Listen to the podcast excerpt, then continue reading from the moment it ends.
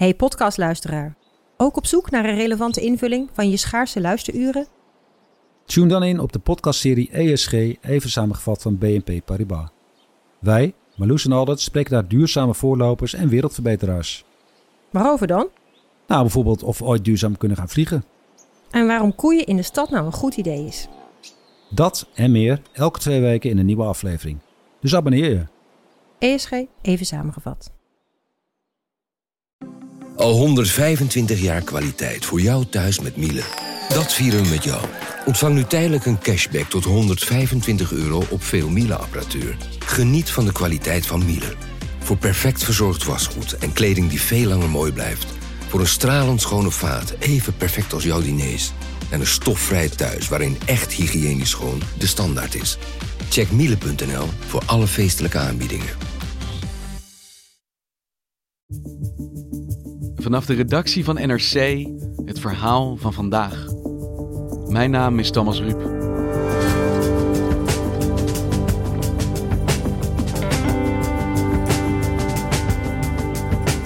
In Soedan is een revolutie aan de gang. President Omar al-Bashir was 30 jaar aan de macht, maar werd drie weken geleden afgezet. Er wordt feest gevierd, maar voor de demonstranten is dit pas het begin. Vandaag het verhaal van de Soedanese opstand, die voor een deel werd gecoördineerd vanuit een woonkamer in Leiderdorp.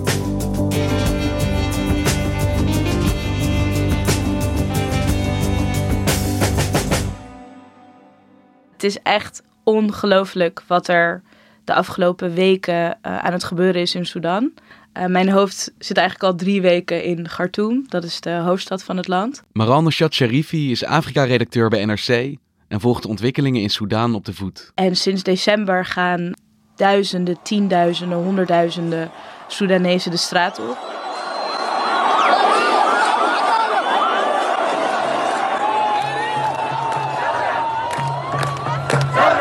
In eerste instantie eisten ze het vertrek van Omar al-Bashir, een dictator die daar 30 jaar lang aan de macht is geweest.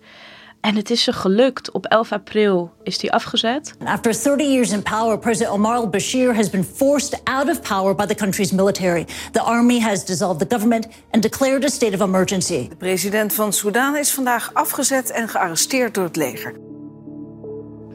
Omar al-Bashir kwam in 1989 via een coup aan de macht. En hij was ontzettend corrupt. En hij heeft van Sudan een streng conservatief islamitisch land gemaakt. En daar hebben heel veel mensen onder moeten lijden.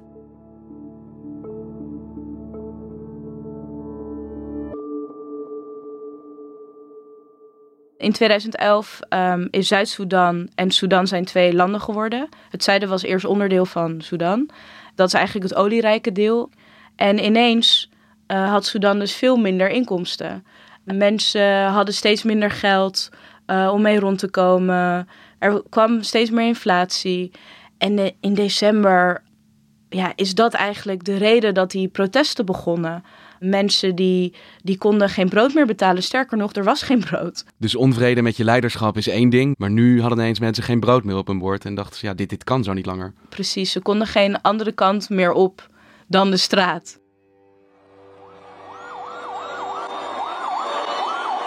Ze zijn dus bij het militaire complex, waar ook de ambtswoning van Bashir zit. Um, zijn ze gaan bivakeren, dagenlang, dag en nacht. Meer dan 40 graden is ze daar op straat. En hoe reageerde het regime op deze mensen die ineens de straat op gingen? Vrij gewelddadig. Er zijn ook veel mensen doodgegaan. En in die vier maanden tijd dat de betogers de straat op gingen, zijn meer dan 2000 mensen opgepakt.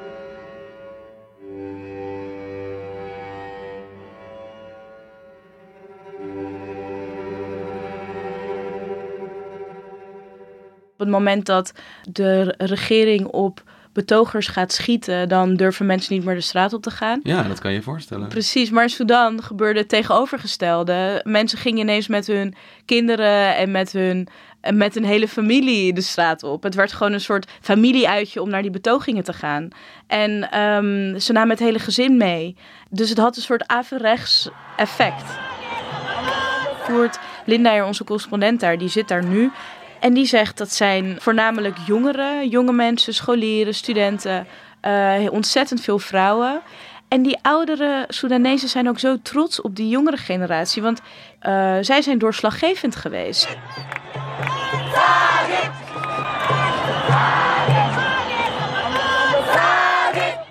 De rol van vrouwen die was enorm. Op een gegeven moment schreef de BBC dat twee derde van de demonstranten vrouw was. Want het zijn ook de vrouwen die dus ja, aan deze streng islamitische dictatuur het meest te lijden hadden onder het regime. Ja, ze zeiden we worden als tweederangs burgers beschouwd, weet je wel. Uh, er was steeds meer een soort van um, verwachting dat vrouwen uh, thuis moesten zitten. Uh, ze moesten een hoofddoek op. Ze moesten hun lichaam bedekken, lange kleding aan, mochten niet hun blote armen laten zien alsof zij geen onderdeel weer meer mochten uitmaken van het publieke leven in, in Sudan. En dat was ook een reden voor veel vrouwen om weg te gaan. Ook politieke activisten die zijn naar Canada gevlucht, naar het Verenigd Koninkrijk en ook naar Nederland. En ik was gewoon heel erg benieuwd of ik een van die of een paar van die vrouwen zou kunnen spreken. Dus ik heb wat contacten in de Soedanese Nederlandse gemeenschap. En een aantal mensen zeiden tegen mij: de persoon met wie jij moet spreken, dat is Sulafa Saad. Hi Sulafa, how are you? This is Maran. Thank you. Thank you. Sulafa Saad is een 28-jarige vrouw. Uh, ze was een bekende politieke activist in Sudan. Ze is twee jaar geleden naar Nederland gekomen in eerste instantie om te studeren. Uh, ze studeert in Leiden en um, daarna heeft ze asiel aangevraagd, politiek asiel. En die heeft ze ook gekregen. Uh, tweede etage. Nou ja, toen stapte ik in de lift, twee verdiepingen omhoog. Toen moest ik een stukje lopen in de verte. Ja, ik moest voor het lange gang door en toen stond ze daar. Nice to meet you. My name is Maral. Nice to meet you. Thank you. En ik zie een vrouw. En het is, ik weet niet, alles aan haar was zo politiek. Shirt aan. Ja, ze had een shirt aan waar Freedom op stond. Ze had oorbellen. Uh, ronde, houten, grote oorbellen waar de hashtag van die opstand op stond in het Arabisch. En ze had superkort haar. Want schijnbaar is het zo dat sommige van die vrouwen, nadat ze worden opgepakt, uh, worden ze meteen kaal geschoren. Want ze zien hun haar als een soort van symbool van vrouwelijkheid en van schoonheid. En ze willen die vrouwen daarmee dus laten zien van je bent geen echte vrouw meer. vrouwelijkheid wordt ontnomen door een haar af te scheren daar. Ja, precies. Dus dat is het eerste wat de politie doet in de cel. En dat is haar vaak ook overkomen toen ze opgepakt was. Maar nu heeft ze dus zelfs, nu ze vrij is, al, om solidair te zijn met die vrouwen, had ze haar haar afgeschoren.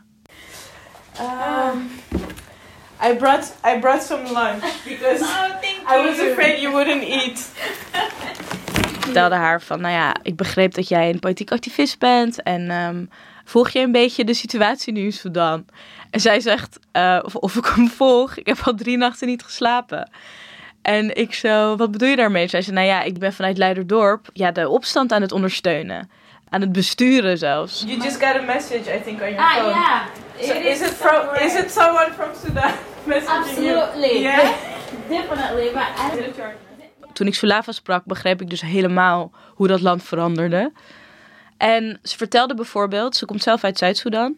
En ze vertelde dat ze als student naar um, Khartoum verhuisde, dus naar, naar de hoofdstad, uh, om naar de universiteit te gaan. En ze vertelt over haar eerste studiedag. Dat ze, nou, ze was ongeveer een uur onderweg vanuit haar woning naar de campus. En ze komt daar aan en ze wordt meteen tegengehouden door, door de beveiligers.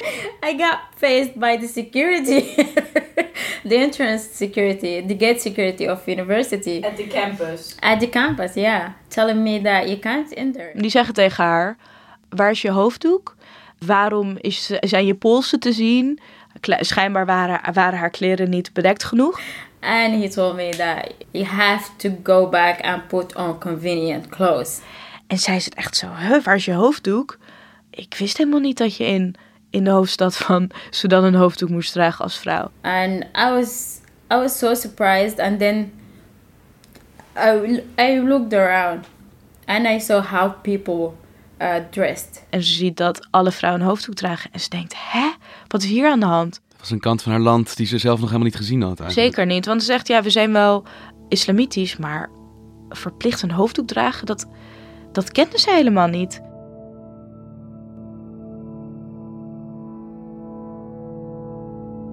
Dus ineens zag ze van wow, dit land is echt aan het veranderen. En uh, er waren heel veel vrouwen die daar last van hadden. Dus ze ging daar met steeds meer vrouwen over praten. Over de positie van vrouwen. En over hoe zo'n streng islamitische cultuur... dat het helemaal niet bij hun land past. Dus werd zij activist op dat moment? Ja, dus ze is als student steeds activistischer geworden. Ze ging maatschappelijke organisaties oprichten. Politiek werd ze ook actief. Um, ze was heel erg met het armoedeprobleem in Sudan ook bezig. Dus dat is een organisatie. Uh, zij gingen dan uh, dekens uitdelen aan daklozen op straat. Ze zeiden dat de armoede ook zichtbaar toenam. Weet je wel, er waren steeds meer daklozen. Steeds meer zieken in het ziekenhuis. Patiënten die um, niet de juiste middelen kregen. Dus zij ging zich daarvoor inzetten. En natuurlijk was het ook allemaal heel politiek. Want op het moment dat de economie volledig gemonopoliseerd is door de politieke macht en je wil dat daar iets aan doen, ja, dan kan je niet om het politieke heen. Dan is alles politiek. Precies. Het leven in Sudan haar dus steeds moeilijker. Ze was geëngageerd, ze wilde daar iets veranderen, maar dat kon eigenlijk niet zonder steeds opgepakt te worden en in de problemen te komen. Precies, en toen heeft ze op een gegeven moment besloten om uh, haar studie um, daar te stoppen, want het had toch geen zin om daar te studeren. En toen is ze naar Nederland gekomen voor studie en op een gegeven moment heeft ze hier asiel aangevraagd. Um, maar ze zegt wel dat ze vanuit Leiderdorp veel meer invloed heeft. Je wil zeggen dat ze vanuit hier meer invloed heeft dan als ze daar in Sudan bij de protesten aanwezig was geweest? Zeker, want hier heeft ze um, stabiel internet. Uh, hier heeft ze een goede telefoonverbinding. This is a group we created a couple days ago. Mm -hmm. um, okay, through this group we we have people who are uh, right now in front of the uh, headquarters of the army in Sudan, mm-hmm. uh, where the people are uh, demonstrating. So they tell us what the people there need, like water, um, food, whatever, uh, or sometimes medicine, and then. Um, we link them with people who have like cars, uh, people can move, Hmm. They bring the stuff and uh, give it to them. Ze zorgt ervoor dat alle, alle spullen, dingen, medicijnen, eten, water, dekens, alles wat de demonstranten nodig hebben, dat dat zo snel mogelijk daar wordt gebracht. Bijvoorbeeld. There is a patient in, this, in um, a hospital called Royal Care. Uh, her name is Maha, and she needs uh, blood uh, O negative. Dan gaat zij, uh, geeft ze dat door in een andere WhatsApp groep van hey guys, is er iemand die bloed naar het ziekenhuis kan brengen, want deze vrouw heeft bloedtype O negatief nodig. En dan zegt iemand anders ja is goed, ik ga er nu naartoe. Of uh, mensen hebben eten nodig, uh, mensen hebben water nodig. Het is daar meer dan 40 graden. En dat regelt ze dan allemaal vanuit haar woning in Leiderdorp. Ze zorgt ervoor dat, ja, het is gewoon logistiek eigenlijk dat alle mensen, demonstranten, alles wat ze nodig hebben, zo snel mogelijk krijgen. Een soort commandocentrum wat ze daar runt. Precies.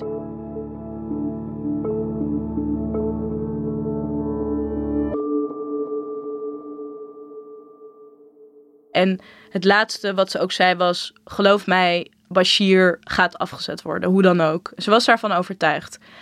En die ging daar weg en twee dagen later um, is Bashir inderdaad afgezet. Dus twee dagen nadat jij wegging bij Sulava kregen de demonstranten in Sudan eigenlijk hun zin.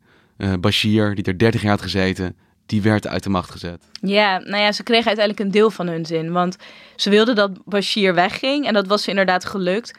Maar zij wilden dat Bashir wegging, maar ze wilden ook dat zijn regime wegging.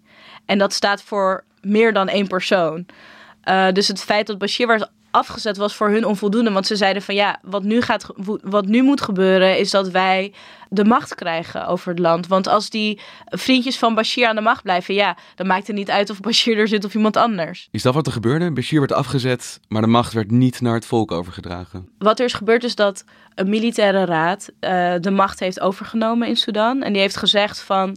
Op een gegeven moment gaan we de macht overdragen aan de burgers, maar we zien het als tijdelijke oplossing. Uh, over twee jaar komen de verkiezingen en dan mogen de Soedanese stemmen wie ze uh, als hun machthebbers willen. Maar de burgers zeiden van nee, we willen dat wij de macht krijgen. Want ze blijven demonstreren, ze blijven de straat op gaan. Afgelopen week uh, is er ook weer een dag geweest dat honderdduizend mensen de, uh, in Khartoum stonden.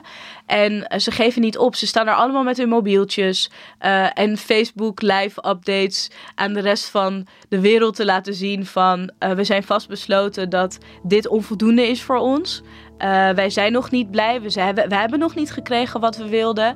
En na wekenlang onderhandelen is zaterdag dan besloten dat uh, er een soort tijdelijke regering komt die bestaat uit militairen en uit burgers. We weten niet precies hoe die regering eruit gaat zien. We weten alleen dat het geleid gaat worden door zowel burgers als militairen. En dat betekent dus dat ze beide een beetje hun zin hebben gekregen. Maar waar de balans ligt, is nog onduidelijk. Zegt vanuit Nederland werd de opstand in Soedan door de Soedanese diaspora nou ja, heel uh, nauwlettend in de gaten gehouden. Zijn die nu tevreden met wat daar gebeurd is? Nou ja, Sulafa die heeft dus al weken voordat uh, Bashir werd afgezet, was zij al bezig met een groep mensen om een demonstratie in Den Haag te organiseren. Die vond vrijdag plaats. Je bent erheen gegaan? Ja, ik ben er vrijdag naartoe gegaan. Wat ze hebben gedaan is dat ze vanaf het van het Malieveld naar het internationaal strafhof zijn gelopen. En weer terug naar het Malieveld. Er werd een beetje gedanst, mensen waren heel blij. Maar tegelijkertijd waren ze nog niet daar waar ze willen zijn. En Sulava, hoe kijkt zij nou naar de toekomst van Sudan? Dat weet ik eigenlijk niet zo goed, maar misschien moeten we haar even bellen. Is dat een idee? Nu? Ja.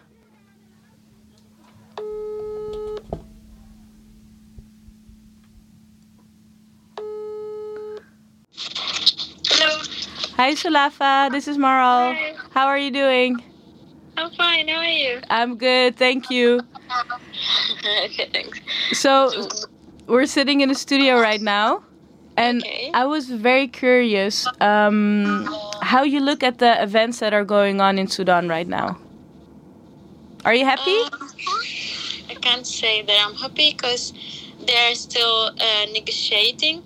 So uh, we are waiting for for the results. Are you hopeful about the future of Sudan?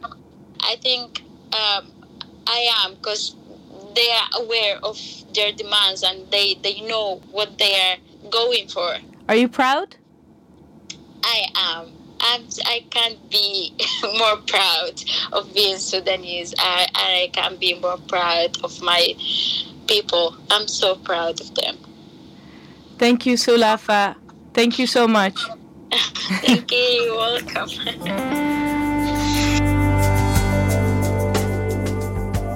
Je luisterde naar vandaag, een podcast van NRC. Eén verhaal, elke dag. Dit was vandaag, morgen weer.